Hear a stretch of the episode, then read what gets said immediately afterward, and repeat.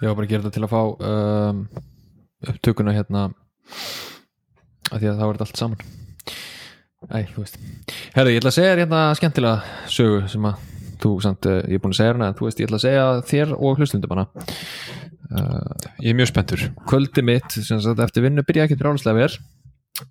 Nei, nú okkur um, Ég er songur, ég er einn. Já, kona mín er í, Já. í bandaríkjunum og hérna, já þú hefur viðkjönd það að, að þú sefur illa þú ert einn já, ég gera það. Það mun glæðina mjög mikið að heyra þetta í þettinum að ég sé að viðkynna það, ég, sé, ég sé illa þegar einn. Já, sem er einmitt ástæðan fyrir því að, að, að hérna, veist, við erum að fara til Dublin saman núna eftir rúman mánuð. Uh, við erum þrýr, uh, það er eitt stórt rúm og eitt lítið rúm.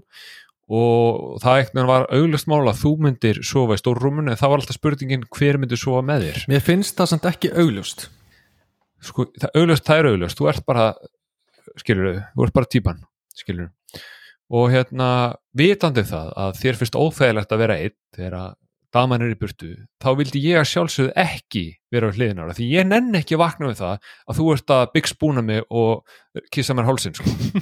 skilur ég, ég vil það ekki neitt. Ég myndi alltaf auðvitað ekki gera það en mér finnst ég að vera í litla rúmunu að því að þú veist, að þú ert svona hrættur um það að ég myndi fara að spúna þig, settu mig þá einn í rúm veist, okay. og ég er stæðstur Nei. og þingstur af ykkur, okkur fæ ég ekki fokkin saks með degi í rúm allavega af því að, veistu hvað, af því að það sem gerist þá er að þú kemur upp í og við þú kemur á milli okkar. þrýr, þrýr saman og, og allt í nöru við þrýr og allt í nöru við þrýr skilur ég eitthvað, þannig að þú veist, það var leiði þessu bara gerast leiði þessu bara gerast. Þetta er cozy. sleppi bara. Já, ég, ég vil, þetta, er ekki, þetta er ekki minning sem hefur leiða Næ, ok. Samt alveg, já, já, ég skil það, skil það. Já, allavega, ég er einn og hérna, ég nætti ekki elda nei, uh, og hún í sjálf mig og hérna, ég fór á KFC og þú ert bara smittað mig að Mm. því að hún bara svona singer dæmi, já, singer, það er gott val. Já, nema það er í bóða að fá þú veist svona fjórfaldan singer, þú veist, með- ég komst að því um daginn fá fjóra lundir í eitt singer já, sem er þá svona extra girthy. Já, alveg mikið görð og, og, girth, og ég hafði alveg, hef alveg gott að görðinu sko, þannig að hérna já, hver hefur ekki gott að girthinu? Nákvæmlega. Uh, görð er underrated. Og þannig ég sagði, heyrðu, ég ætla að fá og þetta var lúan eitthvað, hvað, sé hvað dag? Og ég ætla að fá hérna hjá þér uh, hérna, syngarinn með fjórum lundum hann stóra, já, mér er tórpa syngar já, já, örgulega, pottet, ég veit ekki hvað þú veist, vörðin er eitthvað heita, ég veit bara nei, og Já. hún eitthvað, já, ok, næsta löga og ég vildi fá að heyra verðið því ég man, þegar við tveir fórum um daginn þá borga ég 2190, ég myndi verðið. 2190 fyrir fjóra lundasingar en hún segir ekki verðið hún segir bara næsta lúga og ég eitthvað, ok, svo keiri ég að stað næsta lúgu. Og þá segir hún 1566 krónur. Og ég ok, skrítið upp að horfa á kassan, stendur 1599 og skrítið að það skrítið að svissa 9 og 6 saman ok,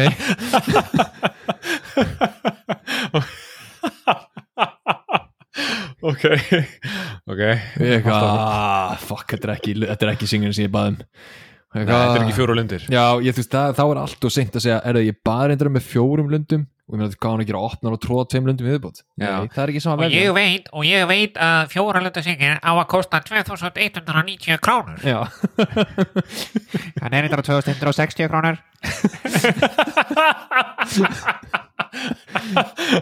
já, já, ok. Halda árum, halda árum, Og ég kem heim og ég er svona, æ, fuck maður, ég sest niður fæ mér singarinn og ég hugsa, ég ætla að fá mér singarinn áður en ég fyrir út með hundin, af því ég er alveg songur og ég lapp inn og hundurinn tökur á móti mér og ég horfi inn í íbúðina og ég sé bara svona poll á miðum ganginum og ég bara oh, hvað, nei. Og hún bara dillandi róunni eitthvað velkomin heim, draslit. Segja hvað ég skildi eftir sem við þrifið. Að því að við skulum hafa það fullkóla á hreinu ég er ekki uppáhaldið á þessu, þessu heimili sko nei, nei, nei, það kemur ekki neitt á óvart. Það kemur einhver kemur einhver sem þekkir þig á óvart. Þannig að þú veist, þetta var bara svona yey, þú ert komin heim, sjáðu og ég eitthvað, hvað er þetta? Og hún eitthvað, þetta er bara frábært, þú hélt bara frá að dilla skottinu bara þriðu þetta, you piece of shit.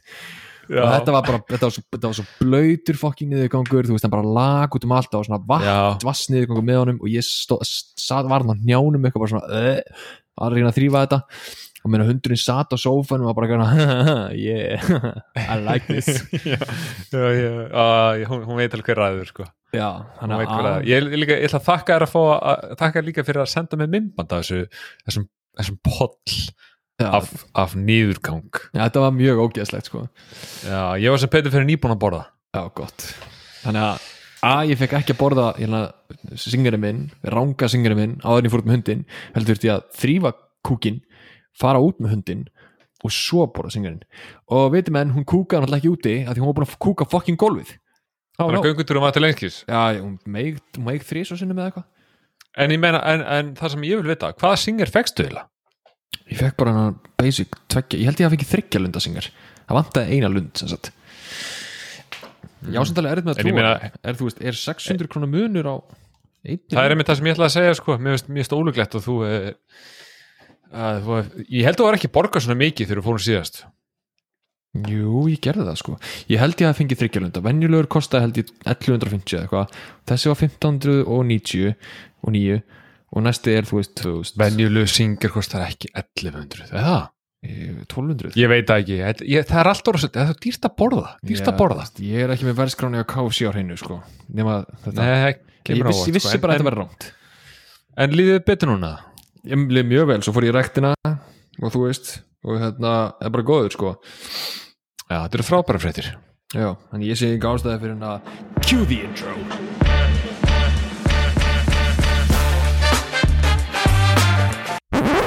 How'd it get burned? How'd it get burned? I, how'd it get burned? How'd it get burned? I don't know. Tell me. Uh, uh, uh, tell me, look, tell me, look. Ah, no, no, no, no, no, no, no. Uh, uh, uh, no, no, no, move me. Ah, what, what is it? What is it? What is it? What is it? What is it? Oh, no, not the beast. Not the beast. Ah! Oh, my eyes. My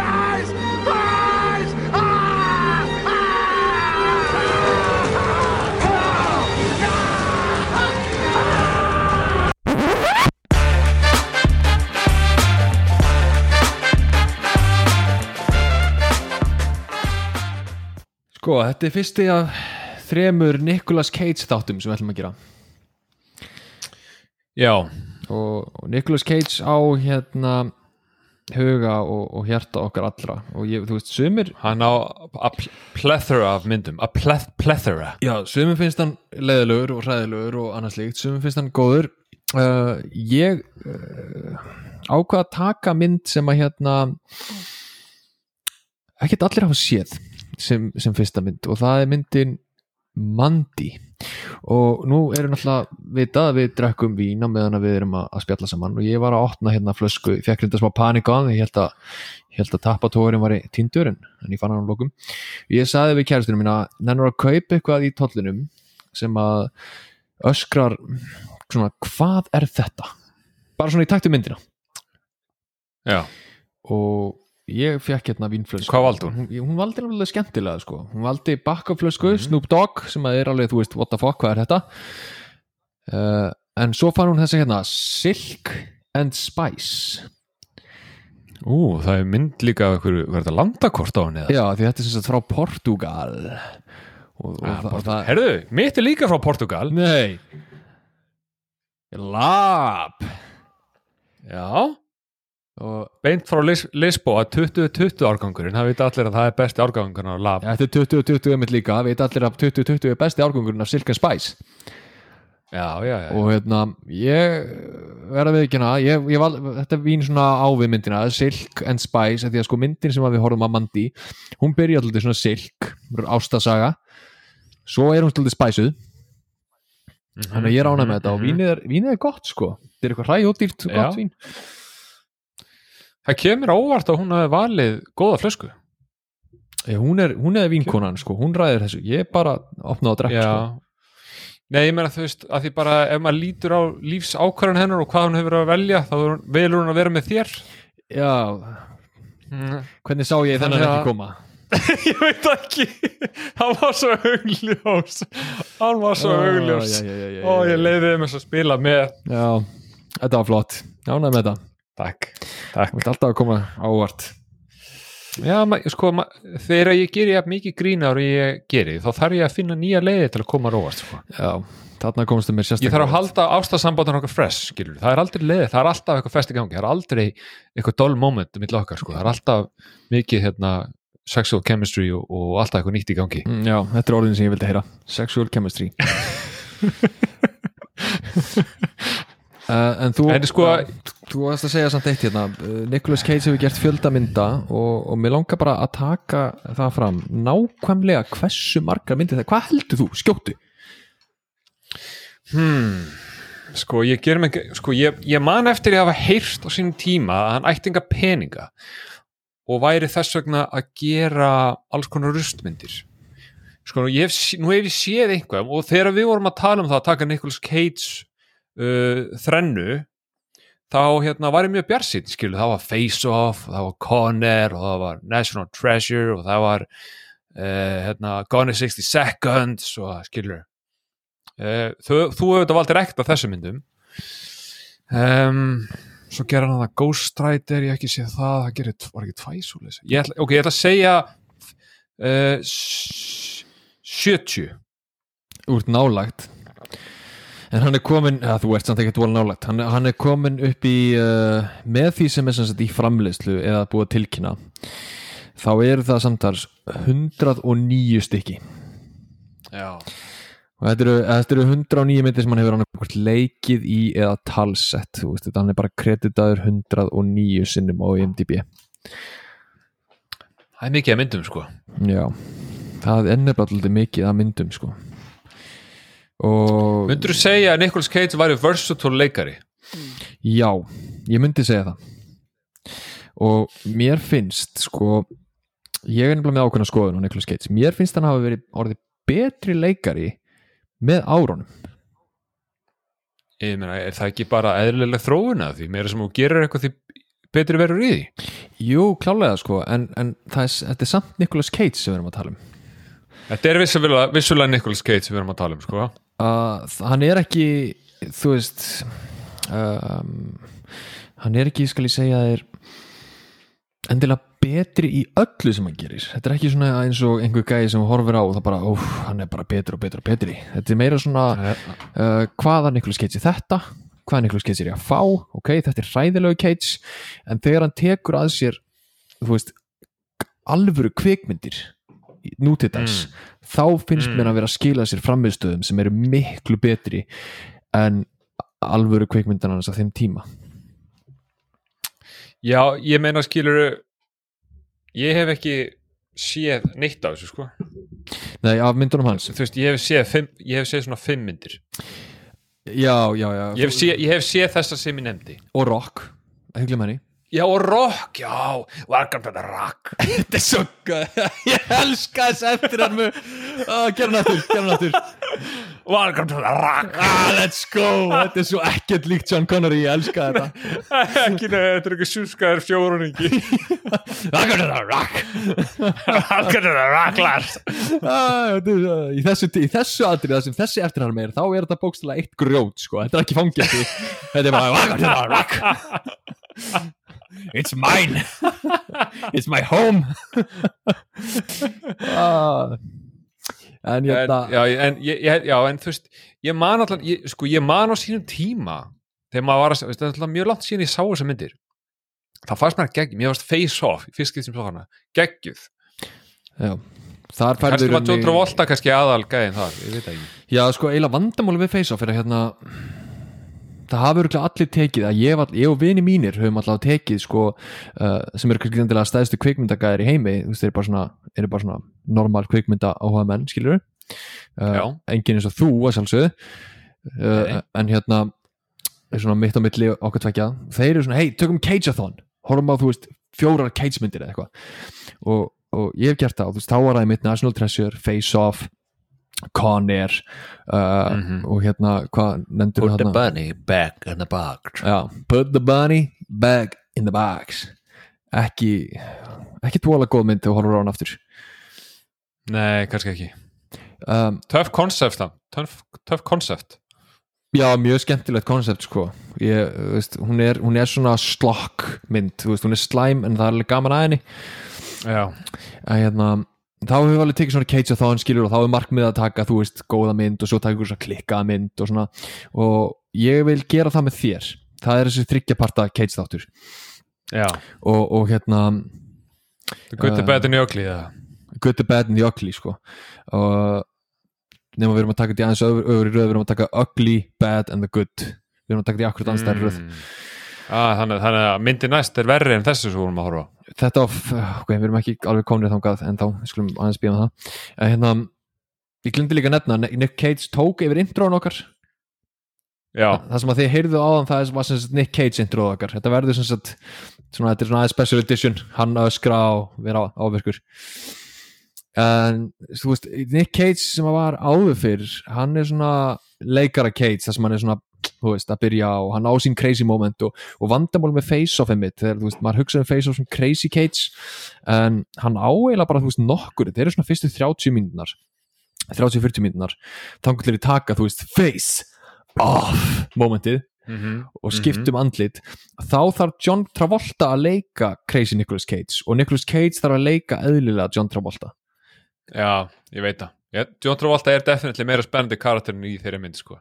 Já, En ég mun aldrei gleyma atriðinu. Ég man þetta ennþá. Ég man ekki mikið eftir þessi mynd. Ég man eftir, jú, I wanna take his face off. off Og auðvitað, hérna, byrjunar atriði þegar hann er með, hérna, tvær gull skambisur. Ég man því ég var yngri og sá þetta og var ég bara, oh my god, þetta er svo töff. já, þegar hann er í prestaklæðanum Já. það er, það er psycho atriði sko Mm -hmm, en þú veist, mest psycho Cage er 100% um, þú veist Ghost Rider 2 til dæmis. Veist, það, er, það er Psycho Cage. Wickerman sem við tökum næst það er fucking Psycho Cage. Nema það er Slimer Cage. Já, það er- það er Psycho og Slimer Kids. já. Svo einhvern veginn því eldri sem hann hefur orðið finnst mér og þegar hann actually dettur inn á góða mynd þá finnst mér eins og leikstjórar viti meira hvað þeir eru að fá einhvern veginn með honum. Af því að þú veist jú, hann, hann hérna hann er sjálfsög, hann misti eiginlega allan peningin sinn og, og fínt kannski að hérna fara aðeins yfir í þá, komur okkar staðrindir um, um peningatafið hans Nicolas Cage Trivia Moment.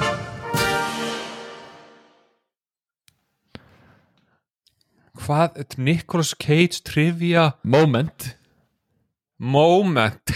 það er verðt að taka fram að, að þetta er Sigurjón. Já. Þetta er Sigurjón að tala hann. Já. Nicolas Cage moment trivia, trivia moment. já, Nicolas Cage trivia moment, sko, ég bjóða til ánægð með þetta uh, hann tap, hann, hann á við eðslu vandamál að stríða, hann Nicolas Cage Já, hann er shopaholic. hann er, hann er shopaholic og hann er ekkit svona shopaholic eins og þú veist, ég og þú, hann er ekkit uh, eins og aðrir skilu, hann er ekkit svona eitthvað ó, ég elska að fá pakka frá Amazon eða eitthvað, þú veist, ég get ekki, get ekki hægt tilfinningun að opna pakkana eða, eða ég elska að fá ný föt og þú veist, ég bara get ekki hægt að strauja kreditkortinu mínu og ég er komin í kreditkortaskuld hann er meira svona að bjóða í kastala og safnaköstulum Já, til að finna það Holy Grail.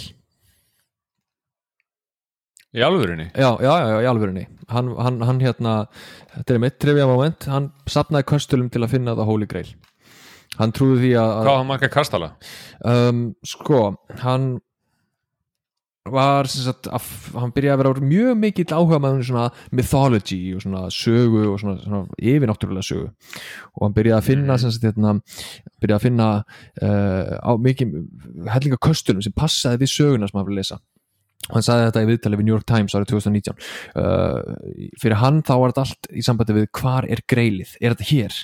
Þú veist, geti verið að það sé inni í þessum kastala.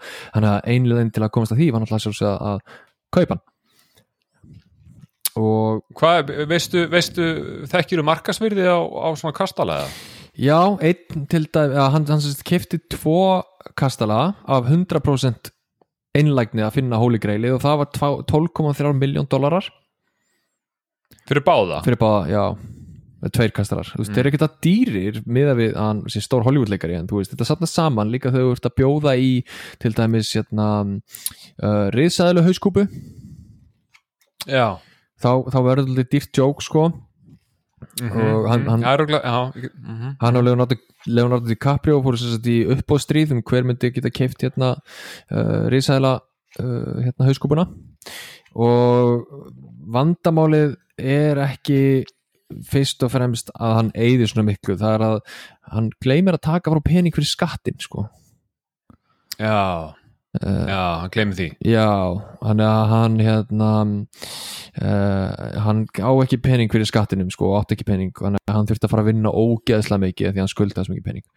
Uh, en það er, það er ekki að segja að hann sé einungis að eyða peningunum í þetta. Hann er líka að gefa mjög mikið á hann eins og þegar Katrína fellibilurinn kom mm þá hendi hann bara strax miljón dólarum í uppbyggingu. Og, og Forbes listin árið 2006 er hann sem deila misti allan peningi sinn og varð gjaldróta nánast þá var hann einn af gjafmildustu leikurum í heimi.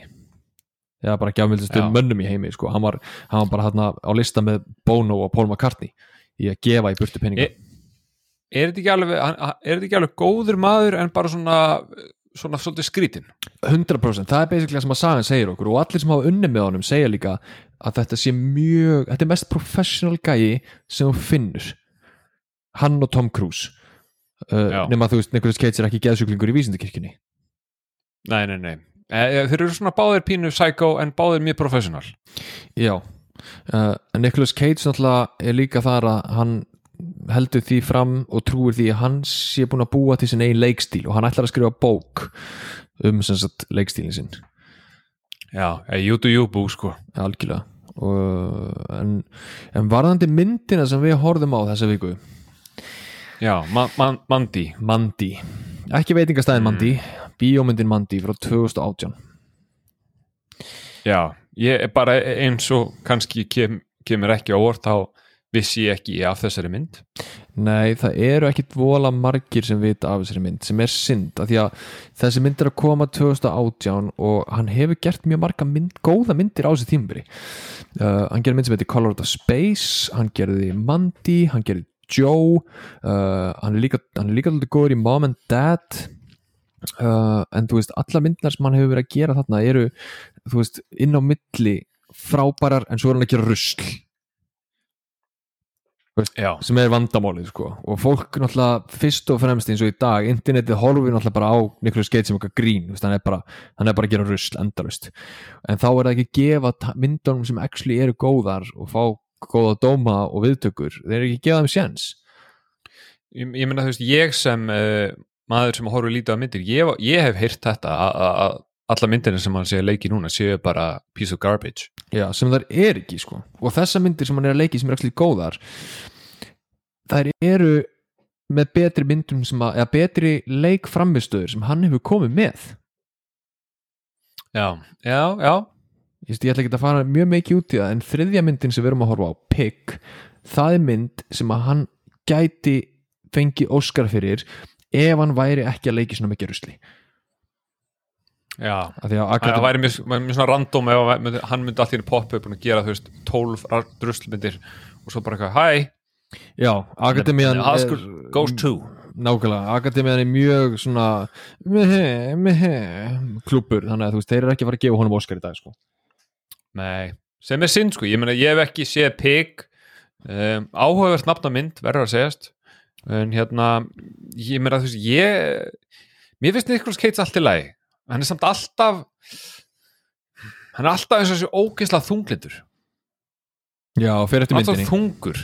Fer eftir já, myndinni sko. kannski, já, ég veit ekki. Hann er svona einhvern veginn svona depressed gæði frá einhvern svona semi-redneck en samt ekki svona, ég veit ekki alveg hverju hef hann sko Nei, ég held að hann vilja alveg hafa það þar að þú vitir ekki alveg hvað það hefur hann Já, hann vill vera mysterious Já, en það er eitt Já. sko eftir að hann fer hérna í peningavandamálin 2007-2008 og er að leika bara í tonna af drasli bara allt sem að, þú veist, það er tilbúið til að borgunum þá er hann mættur það sem að allir hafa sagt sameinlega um þennan mann á þessu tímabili er að þegar að hann er mættur á settið þá er hann fucking mættur mm. hann er að leika í myndinniðinni eins og hérna eins og bara Francis Ford Coppola sem er enda frendans að því að hann er Nicolas, Cage, hann er Nicolas Coppola heitir hann í alvörunni.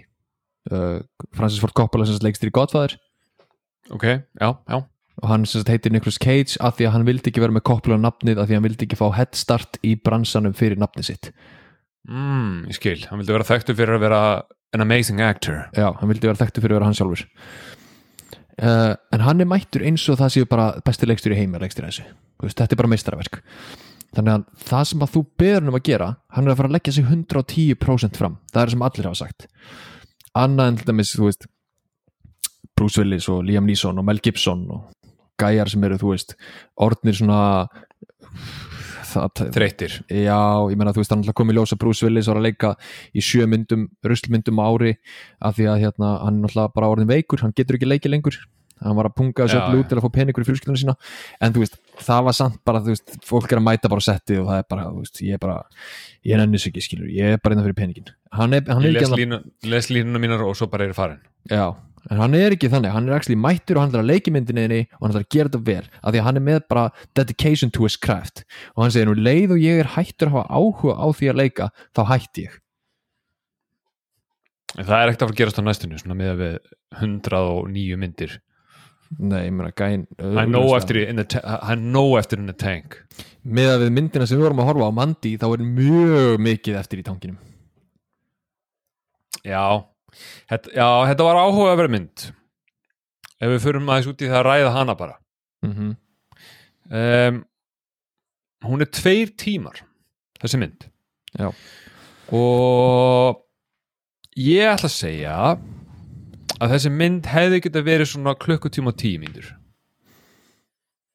Já, en hún hefði ekki virkað vel ok, hún hefði geta verið klukkutími og 15 mínútur Einn og hálfur. 15 mínútur. Sko að því að það sem að þessi, þessi mynd náttúrulega byrjar sko fyrsti klukkutímin er þessari mynd er eins og ég myndi ímynda mér, ég myndi horfa á bíómynd nýbúin að sprauta með með heroinni 100% sko, þetta er nákvæmlega þannig. Þetta er ekki heroinni Þetta er svona, eða bara ok, fá mér LSD eða eitthvað. Já, þetta er svona LSD sveppadæmi Já, og ég skilur er ekki alveg þar sko. ég er ekki alveg þar þannig ég var ég horfði á, á eins og þú veist, að horfði ég á fyrri helmingin um, svo tók ég setni helmingin og ein af helstu ástæðanum fyrir því ég horfði á fyrri helmingin var að ég gat ekki meira. Ég var bara hvað í fokkarum er ég að horfa á? Mér fannst þetta svo skrítið. En helstu vombrið minn, fyrst bara aðal vombrið mín í rauninni var að fyrsta lagi í myndinni er ekki lagi Mendy með bara Manló Oh Mandy and you came and you came without taking and you sent me away. Oh Mandy. Skilur við, akkur við byrjaði en ég sá reyndar að tónlistafunum eftir Jóhann Jóhansson Já, þetta er síðasta tónlistin síðasta tónlistaverki sem að Jóhann gerði áður en hann dó. Ætla að sad maður Ég vissi ekki að þú veist, maður búin að heyra því að hann var í hjúts en, en þetta komið mér skemmt lóvart Já, ég ég, hérna, kærast mín horfði með mér á hana svona með öðru auganu og hérna, sem er mjög fyndið að vera með mannesku að horfa þessa mynd sem er að horfa á hana með öðru auganu af því að það er reglulega svona horfðum upp, horfði á svona tvær þrjá myndir og svona hvað í fokkanum er að gerast í þessari mynd? Já, ég skil hana mjög vel. En ég sat þarna og ég einhvern veginn fyrsta svona klukkutíman veit, af því að fyrsti klukkutíman er mjög hægur. En hann er samt sko þetta er samt svona mynd sem að ég, ég dett inn í hana.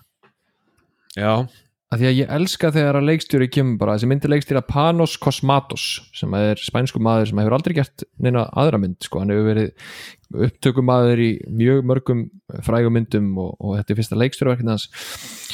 En þú veist, hún er svona hún er einmitt svona psychedelic ultraviolence trip. Og ég dyrka svo mikið hvað hún er að pröfa nýja hluti og hvernig hún notar litina og og- rauðalitin já, ekki bara rauðalitin þú veist, það er, er blár líka mikið af bláum. Og hérna og, og fyrsti klukkutíminn er ókslega svona hann er svo hægur, af því að þú veist hann er bara að byggja upp hvað þau eru einhvern veginn að reyna að lifa eðlulegu lífi þau tvö, Nicolas Cage og Mandy. Já, já, sko hún fer rosalega ró, rólega stað. Hún fer rosalega, ég meina Nicolas Cage er náttúrulega grjótharður alveg frá byrjun. Uh, hei, hann, er- hann er að tjoppa henni risa tré. Mm -hmm. tré dettur og hvað, horfur hann á dettinu? Nei, hann lappar í burtu. Cool guys don't look in explosions. Nicolas. Cage horfur ekki á tré detta sko. Nákvæmlega. Hann, hann er grjótar, hann er mættu strax svo var ég líka mjög ánæður að, að svo stuttu setna þá kemur atrið þar sem hann er bara keir upp í húsera og hérna þá kemur, þetta er ekki skipt í svona kapla ég held að fyrsti kaplun hefur heitið The Shara Mountains eða eitthvað. Mhm. og það kemur The Shara Mountains 1930, 1983 AD Já. Já, takk fyrir, takk fyrir að taka fram að þetta væri AD, annars ég að þetta væri fucking before Christ. Þú veist akkur en þú veist en má, máli með Nicholas Cage myndir er að það er alltaf svona mjög ok, ég veist, alltaf skilur, ég hef séð sex myndir eða eitthvað. En það er svona alltaf svona klassiskur ógisla lélugur brandari eða húmor. Þú veist eins og ég ætla bara, ég skrifa hennan brandara niður ég ætla bara ég ætla bara að taka hann á þig. Ok, þetta bara, Nicolas Cage nýmættur inn í kofan, þetta er bara snemma í myndinni hann hittir Mandy sem er konunans eða kærastan hans eða hvernig sem er og hann segir knock knock, who's there? Eric Estrada. Eric Estrada who? Eric Estrada from Chips. Ég sko, ég, ég hérna ég, fatt, ég fatta ekki pönslan Nei, það fattar það enginn. Það, þú veist, ég, veit, ég, googlaði þetta Það var, þetta er víst góðu brandar ef þú fattar pönslanið sko. Já, ég veit ekki hvað það var sko. Ég veit ekki Ég hvað það, ég googlaði þetta líka. Ég googlaði, Já. þetta er eitthvað þáttur eitthvað sem er eitthvað staðarleiki sem var þetta chips eða eitthvað, ég veit það ekki. Já, já, já, ég fatta þetta ekki. En þú, en þú veist, whatever. Já, það var, þú veist, en það, ég veit ég, ég, ég hlusta á hann á brandari og var bara hérna, hvað, ha? Hm, hvað er hérna? Það sem, ok, þú, þú horfður á hann brandar og þú hugsaði þetta. Ég horfði á brandar og ég hugsaði, ok, þau eru með greinlega mjög krúklegt samband Þau eru mjög ástfangin Af því hún hlæra þessum fokkin brandara sko. Hlæ, og ég veit að hún hlæði mjög mikið sem brandara. Og þess vegna googlaði hann. Þess vegna googlaði hann af því að hverju er svona fyndin hann hlýtur að vera ástæð fyrir, þetta hlýtur að vera eitthvað sem ég skil ekki. Ég hugsaði samt bara, ok, þau eru mjög ástfangin. Það hlæri enginn að þessum brandara nema að vera mjög ástfangin á hann Nei, ég meina þú veist, þú þekki það bara í þínum daglega lífi.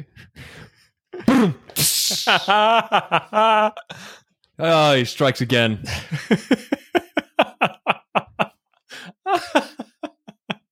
Sorry. Gott að ekki láta þig hlæja. Já, ég veit það Það er, veist, ég, ég, ég, ég, ég bý bara eitt sko, ég þarf ekki að láta sjálf mér hlæja sko.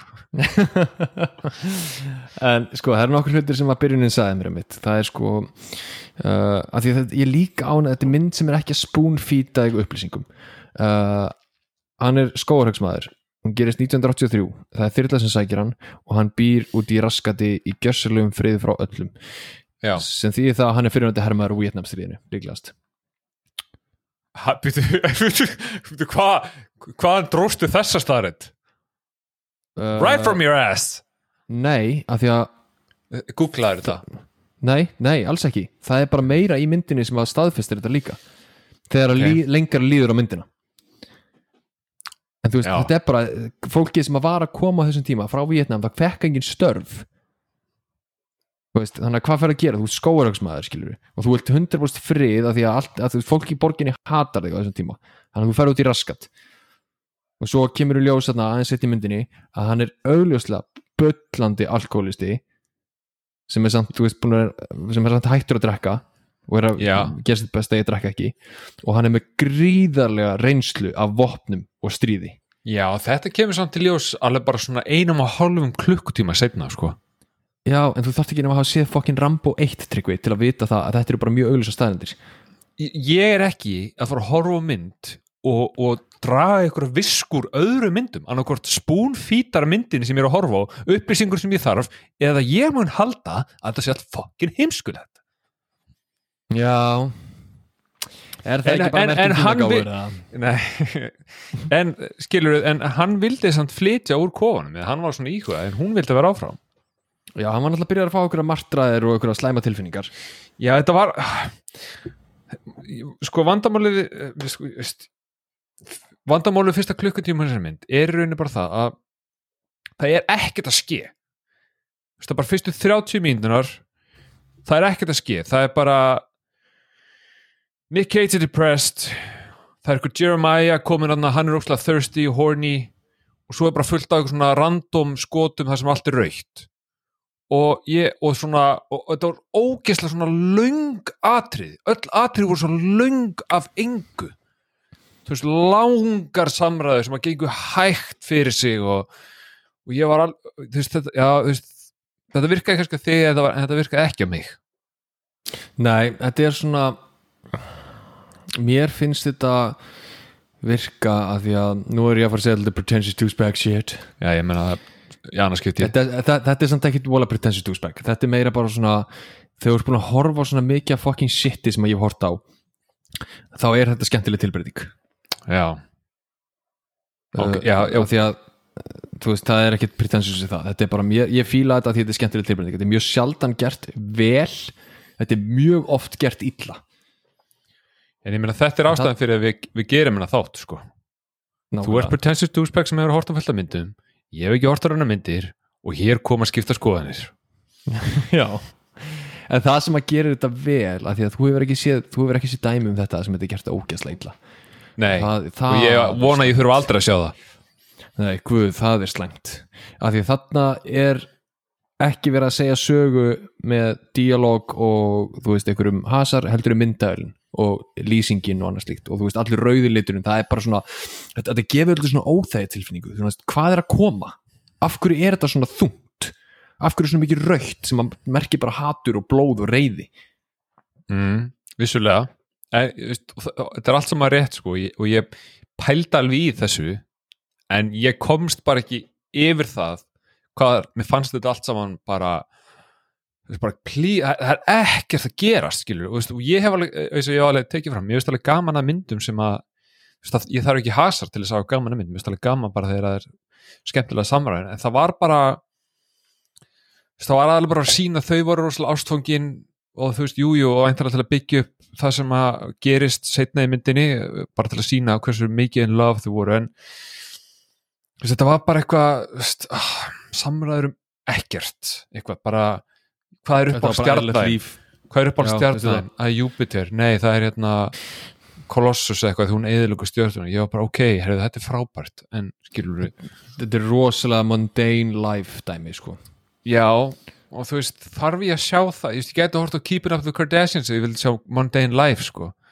Það er drama shit, þetta var ekki eins og drama. Þetta var bara svona tvær manneski sem er Nei, ég, ég veit að ég, skilur en þú veist, þú ert með Nicolas Cage skilur þennan pro amazing talented actor og hann sest í raunin ekki neitt fyrsta klukkutíman að þessari mynd. Nei, það eru rosa mikið verið að spila út frá mandi og ég hérna ákveða að lesa eins svona bara á netinu myndina og það eru margir sem að ég veit ekki alveg hvort það sé sammála þessu en það eru margir sem voru að segja sko að fyrsti klukkutíminn sé í rauninni eiginlega bara svona spádómur fyrir setni klukkutíman að við séum að einblýna svona mikið á mandi að því að hún er eiginlega að sjá fyrir svona hálgjert hvað er að fara að gerast, þú veist, hún er að tala um þegar hann kemur eitthvað, þá er hún að teikna skilur skógin og eitthvað vond og hún er að segja, þú veist, ég sé the reaper coming og, og hérna uh, svo náttúrulega, þú veist, ég að rétt þú veist, eftir hálftíma markið þá kemur hérna Jeremiah sem er eitthvað fucking skrítnasti gæði sem ég sé á filmu, sko. Hann er það mjög skrifaði karakter. Veistu hvað, veistu hvað ég ég Ef þú segir, ég hugsaði um þig. Nei, ég var ég var af hverju varstu svona reyður ég var ekki að fara að segja það. Hvað varst reyður oh, nú veit ég nú veit ég að það sem ég segi er að virka. Uh, Nei, þetta var ekki það sem ég ætlaði að segja. Ég ætlaði að spyrja, hefur ekkert að spila tölvuleikina Far Cry? Já þetta er alveg eins og plot twist í Far Cry. Já, svona crazy cut leader svona crazy cull lítir og það er allir bara að fá sér eitulif og þú veist, í Far Cry voru þetta í eitthvað blóm eða eitthvað, ég man ekki hvað heroin þá eða ég man ekki hvað var. Þetta, þetta myndi mér rosalega mikið á eitthvað svona crazy Far Cry uh, karakter. Já, sammála, og þetta var, mér fannst þetta rosalega vel gerður crazy cut leader já, sérstaklega þegar leið á myndina og maður byrjaði að fá sko að því að fyrst er hann eitthvað svona "Ugh, ég er svo þystur, ég vil, þú veist, ég er svo graður eitthvað, ég vil að hann sækir mandi fyrir mig. Og maður er eitthvað, ok, þú veist, fucking weirdo. En svo þegar, þegar lengra líður á myndina og maður byrjar að sjá hvaðan þetta crazy cut dæmi kemur þá einhvern veginn svona, ok, þú ert að, þú veist, auðvitað mjög vel skrifaður og býð, þú ert fucking psychopathi, sko. Mjög mikill sækabæði sko. Og það var alveg skilur eftir að hérna, eins og segir hann hérna vill fá mandi og, og endur hann fær mandi uh, atrið sem að þau ná henni er auðvitað mjög furðulegt svona til að byrja með. Þetta er allt mjög speysað, þetta er svona mikið að vera bara þrjumur eldingar, allt raukt og eldingar og það er ykkur, ykkur, ykkur ég veit ekki hvað, hann er sérst með eitthvað köld með sér þetta er það sem þú ert að reyna að segja byrklega það þetta er he- zombie eh, fólk búin á heroinni Já, veist, ég vil bara að fólk viti ef þið ætla að horfa á þessa mynd sem ég mæla alveg með og ef þið er ekki búin að horfa hana þegar er að segja þetta er í orðsins fylstu merkingu psychedelic ultra violence mynd. Já, 100% sko og, og þú veist og mér leið eins og ég þyrst að vera á sveppum til þess að njóta þess að horfa á. Ég, ég dröglega ímyndið mér, ef ég, ef ég myndi fá mér sveppi og ég sjálfsögðu skilur, ég mæli ekki með henni að gera það, sveppir eru ekki góður en ef ég myndi gera það, skilur, þá myndi ég örgulega njóta þess mjög mikið að horfa fyrsta klukkutíma sem mynd, af því að eins og sér, hann er mjög litríkur en uh, mjög svona skrítin Já, ég ekki það ég, ég, hafi neina reynslu af, af sveppum en með það sem að ég hef lesið þá held ég að fólk myndi fríka út í setni helmingnum. Já, 100% sko 100% um, sko eftir að þeir ná mandi og, og hann fer með hann og, þau, og hann vill væntalega bara eitthvað svo hjá henni og bara elskar hann eitthvað svona þá einmitt kemur hann aðtrið þar sem þau eru öll bara fucked out of their minds greinilega. Já, byrju, sorry, en hann er sko, ég held að hann sé mesta incel típa sem hún finnur. Öll, þau eru öll þannig. Sástu gæjar hann sem var alltaf að opna og loka glugganum Já, en þú veist, en þú veist byrja, hann, hann er, hann er þessi crazy cut leader þau sem keira fram hjá Mandy, konast Nicolas Cage og þau keira fram hjá henni í slow motion skilur en í alvörunni þá er þetta svona svona hrætt að gerast. Mhm. Já, og hann sér hana og hann bara eitthvað, ég verð að fá hana.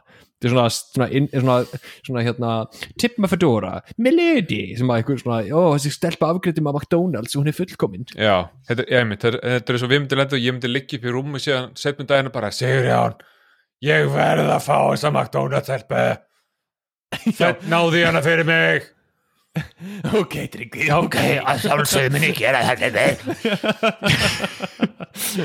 en svo kemur hérna mjög skemmtilegt aðrið, það sem ég var það sem að þau eru, þau eru búin að ná henni og hérna, þau eru inn í ykkur svona litlu herbyggi og það er búið að gefa mandi ykkur mátt ekki, þú mátt ekki hoppa fram í það því að ég er trublaði á hann sko. þú mátt ekki ho- hoppa fram í hvernig þið náðu henni þú varst byrjar að segja, ég trublaði þig. Já, sko þeir ná henni með því að, að hann byður hópir sinn um að ná í mandi og þau keira upp að inn í skógin nálagt húsinu sem þau, hún og Nicolas Cage er heimi og þar fer einn af kvöldgæðanum út úr bílum og notar svona flöytu ykkur svona flöyt og flöytar mjög hátt bara svona sem bergmálar yfir allar skóin flöytar tvisvar. Svo setast þeir aftur inn í bíl og innan tíðar koma þrýr eða fjórir einhverju svona meth zombies uh, í leðurgöllum á fjórhjólum og, og móturhjólum uh, sem að greinilega bara gera það sem að þessi gæði byggðum en, en þeir vilja blóð í staðinn. Blood for blood er það sem þeir vilja. Já, já, og þú, maður átt að segja enga veginn á hvað þetta er. Þetta er bara leður klætt, það er, það er allt fyrir andlutinu og þú veist, þetta líti út eins og eitthvað zombies og tala svolítið þannig. Ein, ein Mhm. kona tala eins og snákur það er mjög fyrirlegt, en þetta var allt fyrirlegt og síðan kemur aðrið það sem að þessir fjórir zombie meth addicts uh, fara inn í húsi hjá þeim og þá er, kemur þetta mjög hérna, trippi dæmi sem þú talar um, það er bara allt raukt, það eru þrumur og eldingar og þeir stíga af Nicolas Cage og, og ná í já, mjög ég- já, veist, það kom óvart. Þetta búið svo ógisla slow paced allt saman, svo kemur þetta allt í hennu Mhm. og þetta er alveg, þetta er alveg pínum violent. En þú veist, það er svo sem bara eins og öll myndin er. Já, en það er samt líka þegar ég horfði á það atrið þegar ég verið að ræna þeim þá hugsaði ég uh, vá hvað þetta hefði geta verið gert á allt annan máta. En leiðin sem að þeir eru að taka hérna er mjög aðtiklisverða flott. Af því að þetta er svona veist, þeir hefði getað gert svona að þeir brjótast inn í húsið og taka og það er öskrað og eitthvað, "Ah, hvað er að gera? Eitthvað ah, og það er bara, veist, hún mandi að greipi inn og eitthvað og það er allt svona shaky cam og eitthvað. En það sem er gert í staðin er að þetta er í rauninni bara svona nokkur hæg skot eiginlega í slow motion og svo er bara klift, þetta er svona, þetta er svona eins og klippur sem þú færð af innbroti. Já, og þú veist, þær, þær hoppa alltaf alveg svona, svona kannski mínútu fram með tíman veist, þeir kom inn, þeir eru búin að ná þeim. Þeir eru að halda Nicolas Cage niðri þeir eru að taka hann í burtu. Og ég bara hugsaði, þú veist, þetta þetta er, mjög ógeðsleg og aðtiklisverð nálgun á mannráni Já, þetta, þetta er það og þetta kemur svolítið out of nowhere svona bara miða við taktin af myndinni so far, en þetta atrið er ekkit vola langt. Og hérna eins og segir og og í rauninni bara strax í kjölfara því þá er í rauninni bara klift af þessu og þá eru þau komin í húsið þar sem þetta köld býr og þar er hérna Mandy, hún er, gefin, hún er bæði gefin eitthvað dropi í augað og svo er hún sprautuð í hálsin af sportreka síndist mér. Mm -hmm. og það, mm veist, ég veit ekki hvort að það var eitthvað eitur sportrygg eða hvort að það er bara eitthvað LSD eða ég veit ekki hvað þetta var en það er allavega þau fara inn í herbyggi fljótlega eftir þetta og það er bara, þú ver, ef þú ætlar að vera góð maðurinn er, Nicolas Cage er lifandi. Ef þú vilt hafa hann lifandi þá verður bara að vera góð, gera það sem að þér er sagt svo kemur þetta aðtrið sem ég ætla að tala um aðan það sem að þau, það búa sprautan í hálsin með sportrygga einhverju. Og það er, þau siti inn í svona öll í sófa, það er allir gerina bara algjörlega fokkt out of their minds inn í þessu herbyggi og köll líturinn Fyndið, ég hef mér tugsaði sko að hún væri svo eina sem væri fucked out of their minds. Nei, þau eru definitely öll fucked out of their minds sko. og hérna hann lappar upp á hana því að hann vill hana, hann er thirsty. Hann er thirsty for some Mandy. Segjum maður bara svo Já, skilur hann er hann er mjög thirsty. Thirsty cult leader. Og hann fyrir að st- stendur yfir í slopp og fyrir svona prítsi yfir hann og segja bara hvað allt er frábært og hvernig þetta mun vera og eitthvað svoleiðis. og svo náttúrulega dregur hann sloppið frá sér og þá sérðu bara a nice little penis.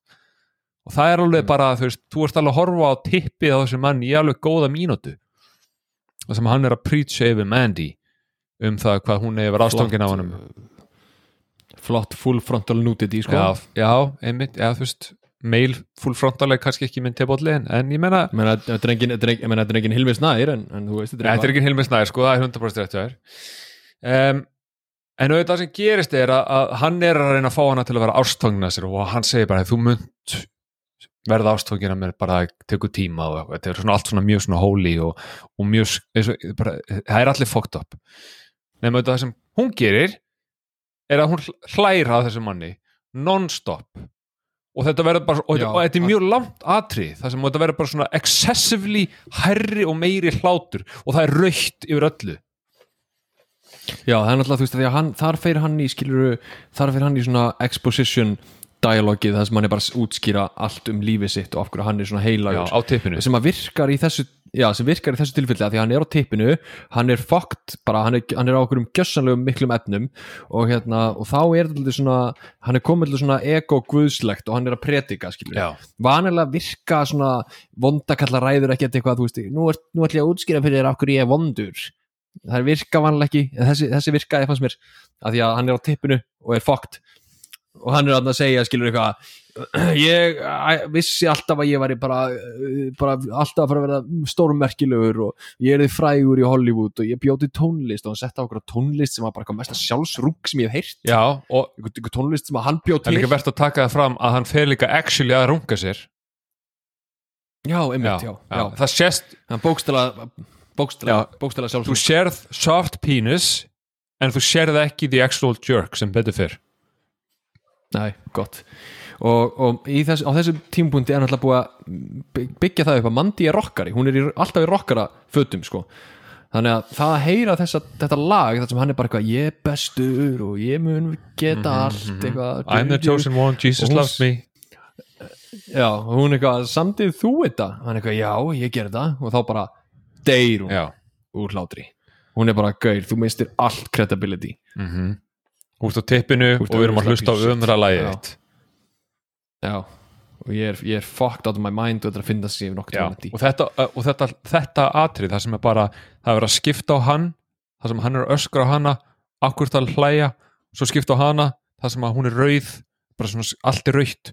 Og hún er bara að öskra á hlátri og svo yfir á hann og hana og hann og hann og þetta er bara, þetta er einu hálf mínúta. Bara, veistu, ég var bara "Ah, hvað er að ske Já, þetta er, þetta er akkurat, þú veist, þetta er miðjan þetta er svona, þetta eru kaplaskiptin fyrstu 40 myndunar eru mjög hægar svona ástarlegar einhvern veginn, svo koma þarna góða 20 mínútur eða eitthvað, 20-30 mínútur. Það sem er miðjukaplin, þetta það sem er búið að ræna þeim. Og það er allt mjög svona what the fuck, hvað er að gerast, hvað er að fara að gerast? Mhm. og þeir náttúrulega að því að uh, hún hlóa þeim þá taka hana út, setja hann í póka og brenna hana lifandi sem er ógæðslegt atrið já, þetta er þetta er ekki fyrsta skipti á þessum næstu þreim vikum sem við munum sjá manneski brenna lifandi ég get sagt þér það. Frábært.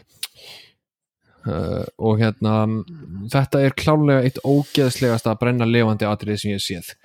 Af því að við sjáum hana ekki. Við sjáum bara póka, í póka já, já þeir, það, veist, það er svo miklu verra að sjá ekki hana brenna heldur að sjá viðbrunnar og hún er falin. Það, er veginn, það gerir einhvern veginn svo mikið mikið verra moment. Já og þú veist eins og við segir, þannig er svona þannig er klukkutími liðina myndinni. Þannig er klukkutími af því að þegar þetta gerist þá pásaði ég. Og þá var Mhm. klukkutími liðin þannig að hérna erum við komin eins og segja á bara miðpunkt sögunar og að skemmtileg tilhjulun miðpunkt myndarinnar af því að þetta bru, bruni gerist í kofunum hjá Nicolas Cage, þeir gerir að fara með hana eða, eða fyrir Nicolas Cage er fastur, það er búið að festa hann. Þegar þeir tóku Mandy þá festuður hann upp svona staur og hann er að horfa á allt sem að gerast. Nick Cage er að horfa á Mandy brenna og það er allir bara hlæjandi af því þau eru, eru bara alltaf fókt out of their minds. Og hérna Þú veist, ángriðs mér líður bara illa að hugsa um þetta þetta er ógæslega því að Nicolas Cage leikur þetta svo fáránlega vel hann leikur þetta mjög vel. Veist, þetta er ángriðs, þetta er frábær framist hjá honum þegar hann er að horfa á konuna sína brenna fyrir framan hann. Ég bara, ég fann svo mikið til með honum. Já. Hann, hann- þetta var svona Hann er góður í þessu, sko. Þetta, þetta var bara, þú veist, heyrðu, Cates það er verið að brenna konuna fyrir framan mig og hann bara, já, got you. Og bara, og action. Og hann bara, alla til Já. hann, já, ég veit það. Þetta var, var brútal atriði en, en auðvitað það sem hann leiðir okkur uh, í part nummer 2 bara þetta er eiginlega basically part nummer 2 já, en það leiður okkur líka í beint eftir þessu í annað moment á Nicolas Cage sem er mögulega eitt stæðsti leiksögurinn hans frá frá upp upptala um herrna hellið sér áfengi? Já, Mhm, holy fucking shit. Ef þetta var ekki Oscars worthy performance þá veit ég ekki hvað Já, ég meina þú veist, þetta er náttúrulega magna því að veist, þau eru búin að festa hann með svona gattavír á höndunum. Og svo brenna þau hana og þau keira bara burtu, þau stinga hann reyndar aðeins í magan með einhverjum ritual dagger. Mhm. og svo keira þau burtu og hann losar sig með gattavír utan um hendunum, svona dregur þetta í gegn. Og þetta er allt, þetta er allt frekar brútal sko, það verður bara að segjast. Þetta er allt mjög brútal. Og þaðan losar hann sig fer hann á baðherbyggi, grípur það sem verist vera bara líters flaska af vodka og eins, sem er falin the way. Þar, kemur, þar, þar er basically hann er óvirkur Já. alkoholisti þetta er varaflaska sem er einhver starf falin. Pottétt sko. Það sem hann tekur bara þrjá fjóra risastóra gúlpa hellir yfir hendunar á sér hellir yfir stungusárið og svo bara er hann á hvítum tæri wæris öskrandi yfir sorsuga yfir því hvað allt er ömulegt yfir þegar hann var að horfa konu sinna að brenna og maður er feeling for him sko. Já, líka sérstaklega því að sko ef þú horfir á þetta ég, ég horfði á þetta aðri á YouTube aftur. Þú getur fundið þetta á YouTube, bara Mandy Nicolas Cage hérna vodka sína eða eitthvað.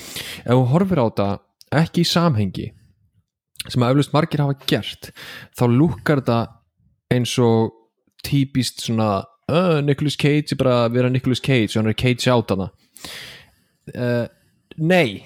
Nei, í samhenginu á öllu stóra atriðinu þá er þetta ógeðslega vel gert hjá honum. Af því að hann kemur inn, hann byrjar að drekka hann öskrar og hann öskrar sem er mjög Nick Cage-legt en það sem að svo, svo sest hann á klóstið algjörlega bara 100% uppgjöf. Og hann öskrar og öskrið bara breytist yfir í grátur. Og það bara hann áttar sig á því þú veist, reyðin er farin fyrsta við, fyrstu viðbörun hans reyði eru farin og það er sorginu komin. Og það sem að hjálpar svo mikið líka í svo atrið er að þetta klósett er eitthvað ógeðslegasta klósett sem ég sé, þetta er innrétt eins og 1980 klósett og það er viðbjöður við búið í fjallakofa við samt býstu? svo já, ég meina þetta er samt svo funky. Þú, fyrst, fyrst, hann lappar inn og það fyrsta sem þú hugsaður er bara hvað í fokkanum er þetta klósett og þessi innrétting, hún tekur alla aðglina þeina en Nicolas Cage er bara, hann er svona tvær sekundur að draga auguðin bara að Já Það er reyndar sko í millitíni þá er eitt atrið sem er svona pínu skrítið sem er með langaði aðeins svona að minna það á ef þú marst ekki eftir þetta er sérst atriði þegar hann er búin að losa sig og hann er komin inn í kofan en áður en hann er komin inn á klósettið. Hann lappar inn í kofan og það er sjónvarpi í gangi. Og það er verið er að auglýsa mac and cheese frá framleiðandunum Cherry Goblin og auglýsingin er þannig að það er Goblin vera að æla mac and cheese á krakka og allir krakkanir eru gjörsamlega að elska það they're loving it. Þetta er 60% meiri orstur heldur en öllum öðrum framleiðendum. Það verður að taka þetta fram. Þetta er alvöru mac and cheese frá Cherry Goblin. Uh, myndið þú kaupa Cherry Goblin? Nei, þetta var mjög þetta var líka bara svona fyrst, þeir sem hafa- allir séð mac and cheese það verður allir borða mac and cheese. Og þegar þú sér þetta hún í pottunum þetta er bara svona slapp. Þetta er bara svona slapp af einhverju. Ímyndið ykkur bara Já, þetta er niðurgangur. og ímyndið ykkur bara græna goblina æla svo börn. Og það var auðlýsingin. Þetta var mjög svona random innskott yfir í það sem var allt sem var að skeða bara hann er miserable, sárþjóður allir dá, hún er dáin, svo kemur þetta aðri og svo næst kemur hann er grátunum á klusti Þegar ég horfði á þetta Pretentious douchebag hatturinn komin aftur á. Því meira þetta vín sem fer í þig, þú ofta kemur hatturinn upp. Því meira Ég hugsaði hérna Mac and cheese er mest basic matur í heimi. En goblin er það ekki. Og þetta var svona, já, ok. Þetta er sem sagt leikstjórun að segja okkur Að það sem þú helst að væri bara einhver ástamynd. Já, fuck you. Fuck you bara sideways. Þetta er alltaf fjandast Já. núna sko og það er bara allt einhvern veginn sett inn í eina öðlulega mac and cheese ölsingu það sem byrtist ykkur goblin og ælir og börnin og þú bara, þetta er eitthvað mesta fucked up shit sem ég séð. Já, byttu Já. bara, byttu bara næstu 50 ég var að horfa á konu brenna ég var að horfa á Nicolas Cage losa sig með höndunum úr gattavýr og nú voru ég að horfa á Goblin æla mac and cheese öf börn. Og er allir úr klánaðir. They're loving it. Já. bara bara ba ba ba they're loving it. Du, du, du, du. Ah, en þá kemur einmitt, já, en nú veist, erum við bara komnir í skilur að hann er búin að reyður, hann er búin að gráta. Og nú erum við bara komnir í Nicolas Cage with a Vengeance. Já það, það, og þarna, þarna er bara basically klippist myndin, þannig er þetta bara komin í í nummer 2 Já, sko. algjörlega, því að þú kaflan. þú fílaðir rauðu litina, rauðu bláu litina og allt þetta í fyrir helmingunum. Setni helmingur er miklu svona eðlilegri, þannig séð. Auðvitað er þetta mjög fókt upp allt saman en þannig séð eðlilegra þú veist, það, og ég fílaði setni helmingin auðvitað bara miklu, miklu, miklu betur heldur en fyrir já, mér, mér, fannst hann, mér fannst hann frábær þökk sér fyrir helmingin Já, sko. ég svo segi fyrir helmingurinn hefði mátt vera svona 40 mínútum styttri. Já, ok, ég er, ég er akkurat veist, mér finnst hann, hann, mátti vera 20 mínútur stittri, mínu vegna veist, ég er alveg sammálaður þar það mætti stitta fyrir helmingin og það eru öruglega einhver á internetinu sem, að, sem er búin að klippa aðra útgáfu það sem er aðeins búið að snirta fyrir helmingin sko. hún þarf ekki að vera tveir tímar hálfur. ég þarf ekki 6 mínúta atriða þar sem þau liggja upp í rúmu og eru að tala um Júpiter sko Nei, nei, alls ekki sko alls ekki, en hérna en það er nefnilega, þú veist, hann fyrir þarna uh, eftir þetta, þú veist, og það er mjög mikilvægt að taka fram að það er ennþá uh, það er ennþá hérna kapli 2 sem að hétt, varst ekki maður að skrifa niður hvað hann hétt, kapli 2 uh, Alltaf, hann er eitthvað. Og hann fer og sækir vopn hjá okkur um gömlum stríðsfélaga úr Vietnam augljóslega af því að ságægi er ennþá í stríðsfötunum sínum. Og leikarinn Og sem að leiku það er þessi klassíski leikar sem er alltaf þetta hlutverk. Já, og þú veist ekkert hvað hann heitir þú veist ekkert hver hann er en þú bara svona, að þessi ég held að kappi 2 heiti Children of the New Dawn sem er vantilega þá að vera að fjalla um Já, þetta allt- með hérna gengið. Já, Kvöldgengið. kvöld gengið þarna. Og svo hérna sækir hann vopnin sín og eitthvað dót og, og sækir eitthvað geggjan lásaboga og kemur eitthvað fucking badass atrið það sem hann smíðar exi. Holy shit ef við þurfum líka að taka fram að þegar hann tekur lásapóan þá segir hann I need to get my reaper to hunt, hunt a bunch of weird hippies and gnarly bikers. Maður. það er Nicolas Cage lína. Það Hann er Cage það- lína. Já. Það er líka aftur augljóslega úr Vietnamstríðinu að því að heiparnir voru, þú veist, að móta honum og höfða hann Já. alltaf dæmi, Mhm, ok, bara benda það. Um, en hann kemur atrið sem að hann, þú veist, hann, hann, hann, er, hann er stálsmiður líka. Já, hann það er kemur hot. badass svona, svona kling, Já. kling stálatrið sem að býr til ykkur exi sem er sverð á endanum og hún er, þú veist, hún er bara svo silfureksi og þá bara ógeðslega töff. Og hérna, meni þegar að kærast mér og horfa á myndir með mér þá sá hún þetta og hún er eitthvað, þetta er exi.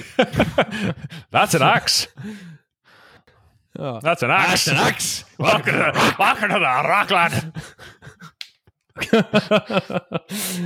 en þá hérna kemur einn ein djarfasta ákvörðin sem að ég hef séð í langan tíma og það er að um leið og geðveikin byrjar og Nicolas Cage Revenge Psychedelic Ultraviolence dæmið byrjar þá kemur titillin á Já. myndinni. Þá kemur kaplið þrjú. Mandy. Mandy. Já. og það er titilskrínið á myndinni og það er bara svona, þú veist, herðu, félagi þetta er að byrja. Já, við erum búin að vera Það er eitt klukkutíma og tíu mínútur linir á þessari mynd. Núna byrjar Núna byrjar ballið sko. Já. Here we go. Og holy fucking shit, hvað þetta byrjar maður. Þetta fer strax að stað og það er verðt að taka fram að það er til mím af Nicolas Cage það sem hann er með svona psycho crazy svip. Uh, það hafa örgulega flestir séð þetta mím uh, ef ekki þá mæli með googli Já. bara Nicolas Cage uh, crazy meme eða eitthvað. Uh, það er engin betri að taka hennan crazy out of his mind svip og Nicolas Cage? Nei, nei, nei, engin engin uh, og hann, hann líka sko hann er on a mission, hann er on a mission að drepa alla sem komu af morðin á konun hans. Og, og hérna og þá kemst hann að því sem að þessi skrimsli sem að rendunum uh, þau fengu sem sagt eitthvað bad batch af LSD og eru basically bara drekkandi LSD úr einhverju krukku og eru bara, þú veist, fucking fucked og þau eru, þau eru, þeir eru svo ógeðslega stoned út úr lífinu sínu að hálfa verið nóg. Þau elska sássöka og eitthvað þú veist, þau eru bara inn í einhver yfir náttúruleg þú veist, það er fantasíu þau, þau þau, það er engin þess að átta sig almennilega hvað þetta er. Þetta er bara eitthvað svona zombie Nei. þú sér það í raunin aldrei nema þau bara, þú veist, einn talar svo djöfullin það er einn kona sem talar svo snákur þú veist, þú veist þetta er allt mjög svona algjörlega fucked up Já, og hann hérna fer með lásabúan sinn og, og finnur þegar sem eru keirandi hana og þeir sem koma bara út á nóttinni og svona bull. Og hann skýtur einna með lásabúanum og hann dettur á móti húnnu og sjálfsögur deyr ekki. Þannig að hann bara hlammar bílnum sínum í hann en bílinn meiðist eiginlega meira heldur en svo, það er svona kyrt á ramp og bara svona flaug af þessu zombie creature zombie meth LSD creature og bara spinnar í fullta ringjum Já. og hann er tekinn fangi og veist, það er eiginlega ekkit við þurfum ekkit að fa- að fara neitt meira út í þessa síðustu 40 mínútur meira en það bara það er ógæðslega mikið ofbeldi mm -hmm.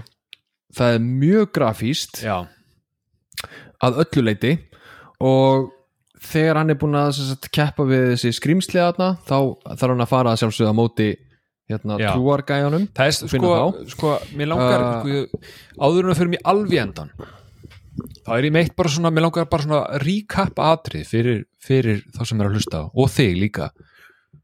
Það, það, það er örglega sem ég ætla að fara að tala um með mitt. Þú mátt endilega ríkapa, er það ekki hérna Jú, þetta hérna, nú erum við í mynd já, saman jú, ég get það er, um þetta allt saman sko. já, já, já, já, endilega bara go ahead sko, sko. hann er tekinn fastur og hérna hann, hann, hann, er hún er tekst að losa sig.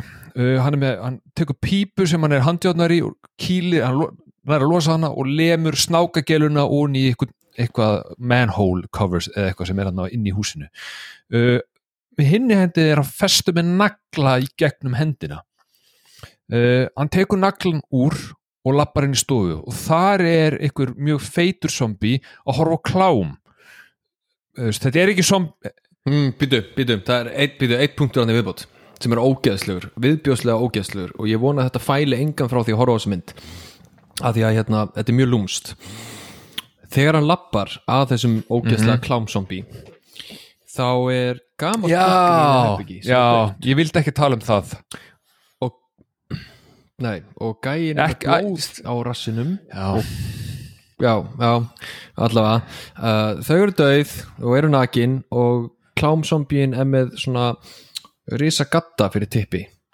Og þetta er, þetta er, þetta er lúmskasta svona, að þetta er fokkin ógeðslegt. Eh, 100% sko, ég sá ekki gattatippið. Takk fyrir að minn segja mér þetta. Núna er ég ónýtur. Að eilifu Já, þetta er með, með gruna ég tók ekki eftir ég tók eftir döða fólkinu ég tók ekki eftir gattatippinu Sigurjón. Og þú veist, af hverju þú að horfa ángað Jú, ok, allavega. Uh, við erum komnir inn í stofu þar sem að með zombíin með gattatippið er að horfa á klám. Uh, þeir fara slást uh, og endar á því að Nicolas Cage tekst að sker hún á háls og hérna og fær bara Ghost, just, Evil Dead magnar blóði upp í sig yfir sig, yfir sig allan. Yfir sama allan. síðan kemur annar zombie þeir eru- fjórir í heldina og hérna hann er búinn að drepa einn er Hendi einu niður, var þri- niður. Skar hann háls. hendi já, en, jú, en þetta var snákasombir sem hann hendi niður og hann komin aftur upp. Af því að, að því að það sem að gerist Já, er að hann fer að berjast við hana og, og hérna og, auðvitað í Nicolas Cage fashion þegar hann er nýbúin að skera zombie háls og fá blóðið upp í sig er að berjast við an- þarna snáka zombieinn þetta er sem allt bara fólk sko, hún bara tala eins og snákur. Uh, þá öskrar hann á hana you ripped my shirt. You ripped my favorite shirt. Áður en hann drepur hana finnur sér hann kókain og snortar ógeðslega mikið að því. Svona Scarface fjall af kókaini þetta eru bara, skil- skilur þið verða átt okkur á því að, að það eru fimm mínútna atriði fyrir myndinni þar sem að þau, hann og Mandy er að tala um Júpiter og stjörnur og gerist ekkert. Þetta sem ég er að segja ykkur frá þetta eru svona fjórar mínútur. Allt þetta. Max, Max. allt þetta. Já. Já. þetta gerist mjög hratt. Og svo líður ekki nema svo líður ekki nema 30 sekundur þannig til að hann sér lásabúan sinn tekur hann, nei sér exina sína tekur hana, sér lásabúan sinn tekur hann, uh, tekur upp ykkur á krukku sem að veit svo til að sé ellist ég krukka þeirra, opnar hana þefar, stingur puttanum í hana og svona, hvað er þetta og setur smá á tunguna sína. Og þá kemur svona teiknaðatriði það sem að hausin á honum bráðnar og heilin bráðnar og allt opnast og hann er bara búinn að taka allir stíðið sem að þeir eru basically að drekka. Og það er bara svona what Já. the fuck? Moment fyrir Nicolas Cage. Og þú veist, þetta var einmitt þú veist, það væri allt mjög raukt og mjög violent í þessu atriði.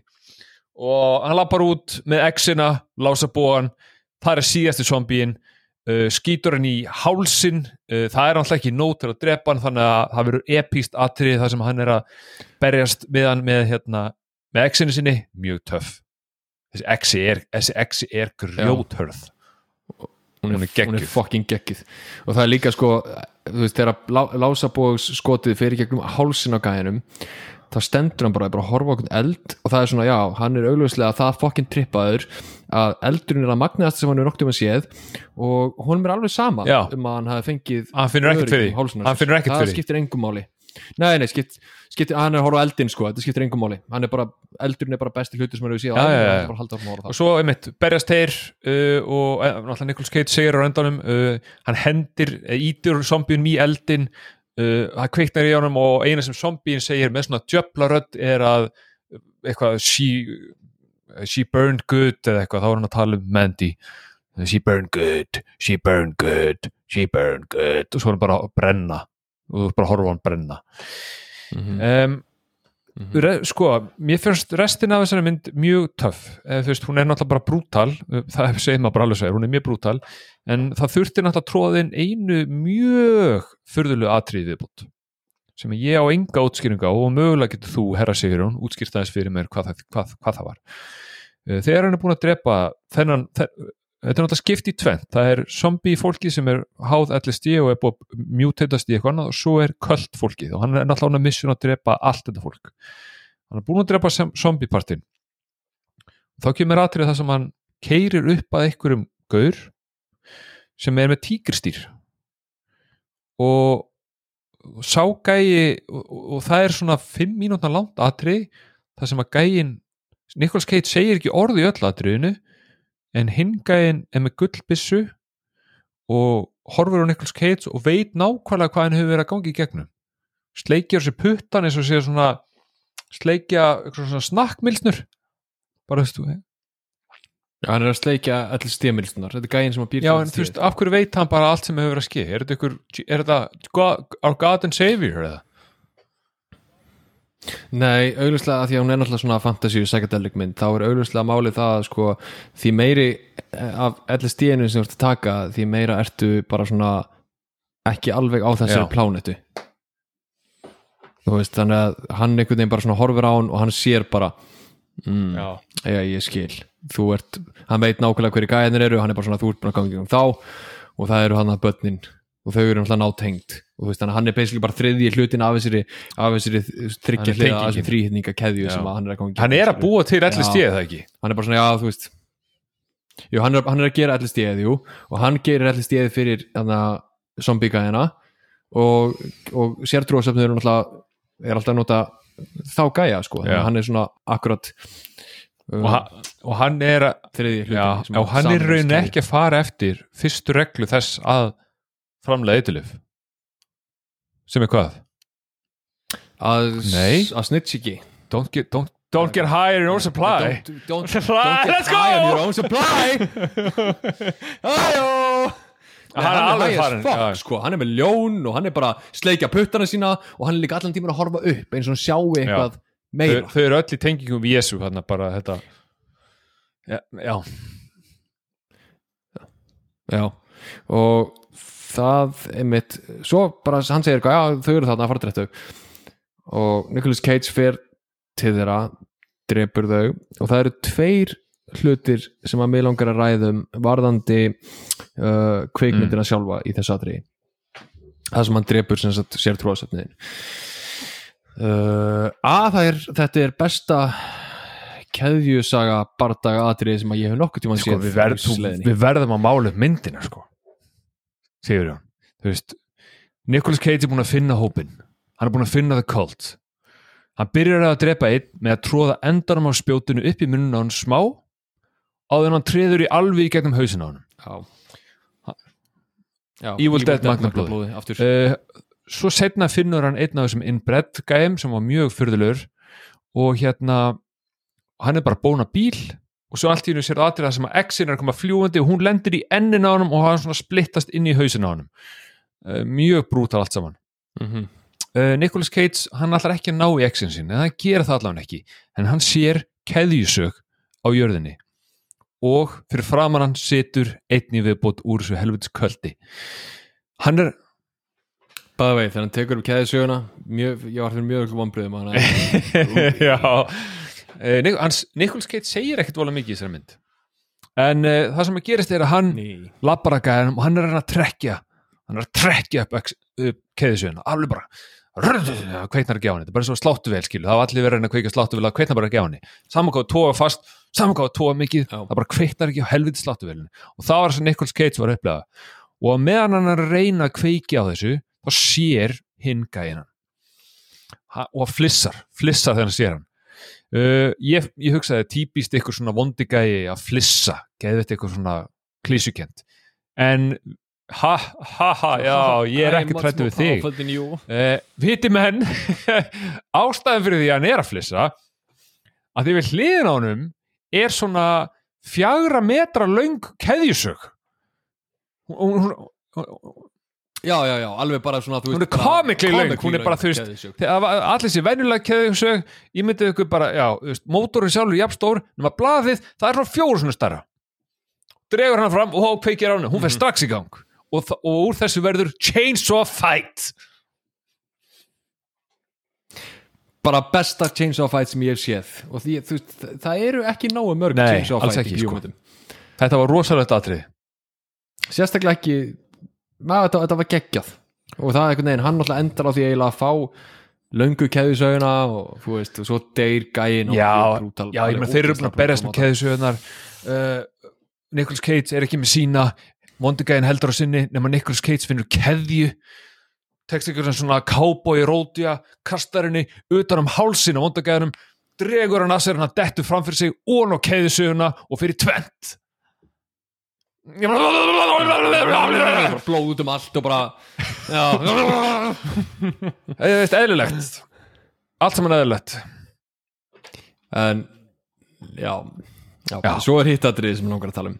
Það er það er svona uh, þegar að Nicolas Cage er að hitta kult líderinn þeim er í einhverjum Eh, sem hann er að drepa. hann fer hún í einhver, einhver tröp þetta- já, hann er, bara eitthvað. God is here og eitthvað, þú veist, já.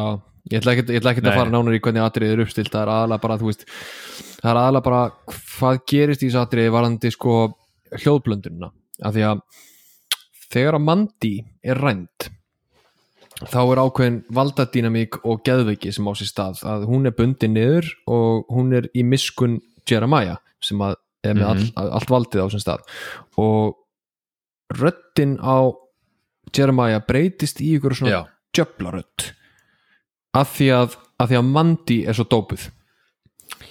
Uh, og þetta er svona vel, vel, vel endur gert þegar að Nik takk, takk. Þegar að Nicolas Cage vegar er komin með Jeremiah og er að halda honum niðri og Cage er uppdópaður þá verður röddin Já. hans djöflarödd.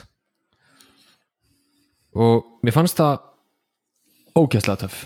Af því að það var ekki bara verið að segja að þú veist, hann var með valdið Nicolas Cage í þessu mómenti sem er náttúrulega mjög augljóst heldur, hann er augljóslega of langt gengi ég meina hann er er nýbúin að drepa átta mann sko.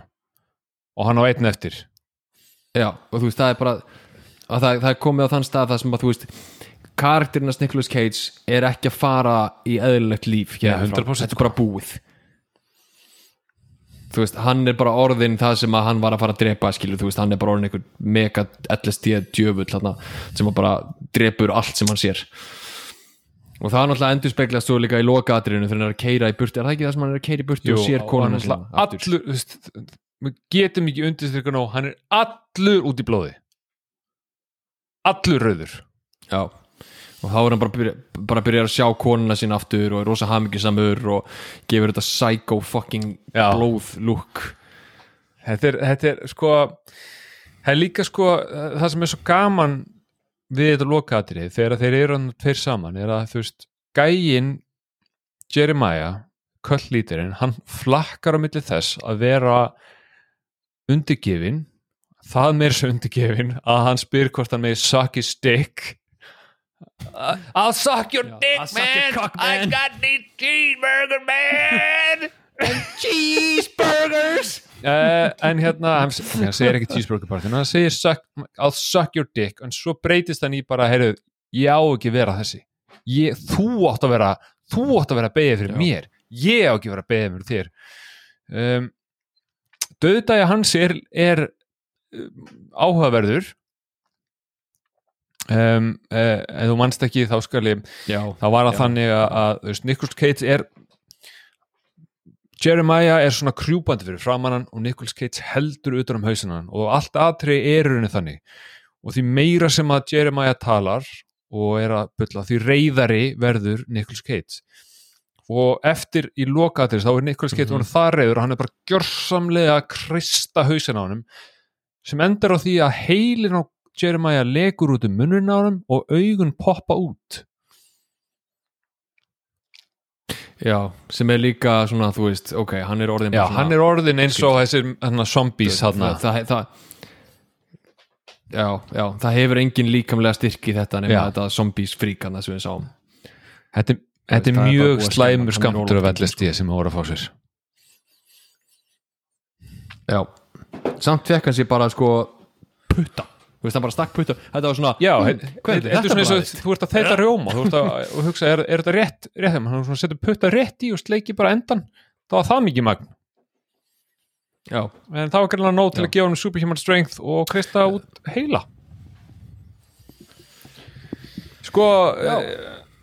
uh, en þú veist allt í allt var ég mjög, ég var mjög ánægð með þessa mynd sko, mér finnst hún, mér finnst hún frábær. Ég mæli heiklust með henni. Uh, gerir viðvörun á því samt að, að fyrir hluta myndarinn er mjög hægur en, en hann byggir bara að rosalega Já, andstæðum pólar. ég meina, sko ég sá að þessi mynd, ég kíkti nú á IMDb eftir að ég var búin að hóra myndina og hérna sá að hún fær held ég 6,4 minni mig. Og Já, EMDB er orðið ekkert að mér kíkja á finnst það samt sem var IMDb. áhugavert yngur síður. Þú veist, þetta er bara, þetta er bara Já, endur já, bottar heyrðu, og, og kjaftaði. leiðum við bara að tala kilur uh, hérna, ég kíkja mér finnst gaman að kíkja á þetta eftir að ég er búin að sjá myndina því að ég vil ekkert vita um myndina sem við horfum á, ég vil bara ít og play og svo bara tekið niður þar upplýsingar sem ég fæ. En mér finnst sex mjög ásættalega engun uh, fyrir hlutin fær tvo, fyrsti klukkutíminn fær tvo frá mér setni klukkutíminn fær alveg fyrir það sem hann á að vera átta. Og ég ætla að gefa þessu sex í heildina. Já, uh, þó að vissulega þú veist það er meðaltalið á þessu fimm en ég ætla samt að segja sex. Þannig að uh, se, setni helmingurinn er mjög töff. Og ef það væri bara þú veist, eins og fyrir fólki svo mig sem er ekki, svona, sér ekki aðra hliðar á bíómyndum heldur sé bara nákvæmlega það sem ég er að horfa á þá hefði mátt klippa fyrsta klukkutíma niður í 20 mínútur. Já, já, já. Ég er ekki samræðið þar en þú veist næst í en hérna, það er alveg fyndið að, að segja það því þú náttúrulega horfir ekki á trailera en eitt hannig ég sá trailerin þegar hann kom 2017, 18, ish. Og það var hérna það var það eiginlega bara kemur ekki óvart sko. Þannig að hún var markasett sem sko psychedelic ultraviolence nightmare. Þannig að ég myndi alltaf til þeim trailer sko þess vegna langar mig að horfa hún er rauninni uh, fyrir, en fyrir helmingurinn fyrir helmingun er psychedelic. sko. Setni helmingur er ultravirus nightmare. Skilur já, já, já. Og hún er, og hún var hún var, hún var, hún var Um, á, á, en- allt of lítið að gerast allt of löng atriði af engu. Og ég tengdi og sé, ég, ég eiginlega bara, veist, ef ég hefði verið að ít að play á mynd bara- segjum bara ég var að horfa bara, ég, ég ætla, ætla að opna Netflix. Það er bara, ég ætla að horfa einhverju mynd. Hey, hérna er einhver mynd með Nicolas Cage, ég ætla bara að ít að play og ég hefði gefist upp. Ég hefði ekki, ég hefði ekki komist að góða partinum á þessari mynd. Nei, og því miður mist á rosalega góðum sko. setni helming. En ég hefði aldrei þraukað fyrir helmingin ef að, þú veist, ég væri ekki bara að fara að horfa á þetta og spjalla um þetta við þig, sko. Já, ég skil það fullkomlega. Em, ég, er ég veit alveg að skoðunin mín á þessari mynd og fyrir helmingnum er ekki vinsæla skoðunin sko. ég, er alveg einn af fáum sem er alveg potið mjög hrifina fyrir helmingnum uh, ég er bara svo ánæður með Nicolas Cage Já, ég er alveg samræður Nicolas Cage og minna, kannski er það bara vandamáli. Nicolas Cage á mjög lítinn part í fyrir mig helming myndarinnar. Hann á í rauninu bara sára sára lítið en, en hann ánáttúrulega bara allan setni helmingin stendur sér mjög Já, vel. og stendur svo ógeðslega vel. Og að því sko í þessum þryggja parta. Nicolas Cage dæmi sem við ætlum að Cage-a-thon sem við ætlum að taka þá einmitt eins og tryggvis aðan þá ákvað ég að að því að ég fæ að ráða myndunum sem við horfum á þá ákvað ég að velja ekki Conner, Face Off og, og allt þetta dót og hérna og mögulega er það að koma inn í þennan þátt frá setni þættinum eða þriða þátt, þættinum uh, eftir að horta hinamyndinar en, en markmiðið er að taka aðeins öðruvísi hlið af því að við erum að taka Mandy Mhm. sem er The Ugly í The Good, The Bad, The Ugly þetta er 100% svona batshit insane cage Já, sem er samt gert vel. Og eiginlega bara þú veist, eina hinn myndin sem að er þannig svona almennilega er face off en þú veist hún er samt ekki nógu mikið, þú veist hann missir Já, ég er, ég er alveg samanlega sko. Nicolas Cage er ekki crazy guyinn í Face Off. Þó að það er sé tæknilega sé hann Nei, og svo ertu með þú veist en að gesa lappa já, þú veist það er bara ekki er bara ekki nóg og þú veist þetta er miklu meiri leiksegur fyrir hann heldur en nokkuð tíman face off sko. Þannig að þetta, þetta var mitt val fyrir, þú veist, batshit insane góður Cage næsta mynd hins vegar þá ætlum við að taka bæði batshit insane Cage og venjulegan Cage nema hann er einmitt. ógesla slæmur við ætlum að taka shit tier mynd það sem að fólk oftast tengina við út frá YouTube klippum og þetta er YouTubeaðasta mynd Nicolas Cage frá upphafi uh, reyndar á Vampire's Kiss mjög frækt atriðana uh, A, B, C, D, E, F, Ég hef G ekki séð þú Vampire's Kiss, það, sko. ekki? ég held ekki Nei, þú sé, hefur ekki setið YouTube-atrið ja? Ert þú ekki svona Nic Nicolas Eh, Cage compilation surprise, YouTube? surprise, hef, nei Nei, ok. En Wickerman inniheldur atrið eins og No, not the bees Not the bees. Og, og How to get burned, how to get burned How to get burned Þetta er allt Þetta er allt classic YouTube Nicolas Cage. Þetta er uh, ég hef ekki séð alla myndina sem þetta, þetta er sko uh, ég sagði hann að Ghost Rider 2 er skelfileg. Þessi er verri. Þessi miklu verri. Hún gerir ekkit aftöklisvert hún er bara fucking hræðileg að hann ást öllu leiti og Nicolas Cage er því miður rosalega, rosalega hérna- miskastaður í þetta hlutverk. Endilega segðu mér einu sinni en af hverju við að fara að horfa á þessa mynd? Já, þú, af því að ég vil sína þér allar hliðar Cage. Ég vil sína þér crazy gott, ég vil sína þér crazy slæmt og svo í lokin ætlum við að taka pick sem er dramatísk frábæri framistaða Oscar worthy performance Ég meina, ég, þú Og- leiðir okkur áfram í þessu eventýri og hérna, þú ert Cage uh, hva, hvað er svona er eitthvað nafn fyrir svona Cage fans? Eins og Beliebers fyrir Justin Bieber? Er það Cagers? Locked in a Uh, Cage. a þú ert Cage. visslega Locked in a Cage. Það er þetta konaðin frekar. En hérna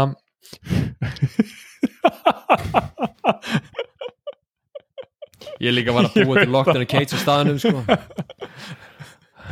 sjálfsögðu en tókstu hérna, ok já, já. Cage, Cagers, Frábært. bara Unite og já, ég fyrir, ég veit ekki hvort ég verið pyrraður út í eða ekki þegar ég byrja að horfa á þessa mynd næst en hérna það er bara eins og það er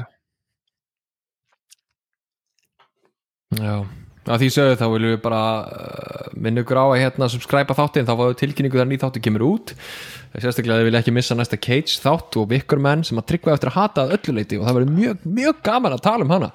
Og ég ætla að vera með hellingar hljóðkliplum og dóti sem að ég er búin að gera undirbúið að því að, að, því að vikkur menn er mjög quotable mynd. Og hérna ef þið vilja hjálpa okkur stækka podcastið þá á endilega hendi í fimm stjörnur. Uh, við erum líka með Facebook hérna grúpu sem heitir bara heimabíó umræðu þráður það sem við erum virkilega að bara benda á hitt og þetta sem við ræðum um og láta vita þegar nýð þáttu kemur út. Annars þá bara sjáumst við í næstu viku það sem við horfum á uh, eða ræðum vikurmenn og ég vona innilega innilega að þið horfið á hana með okkur áður en þáttunni kemur út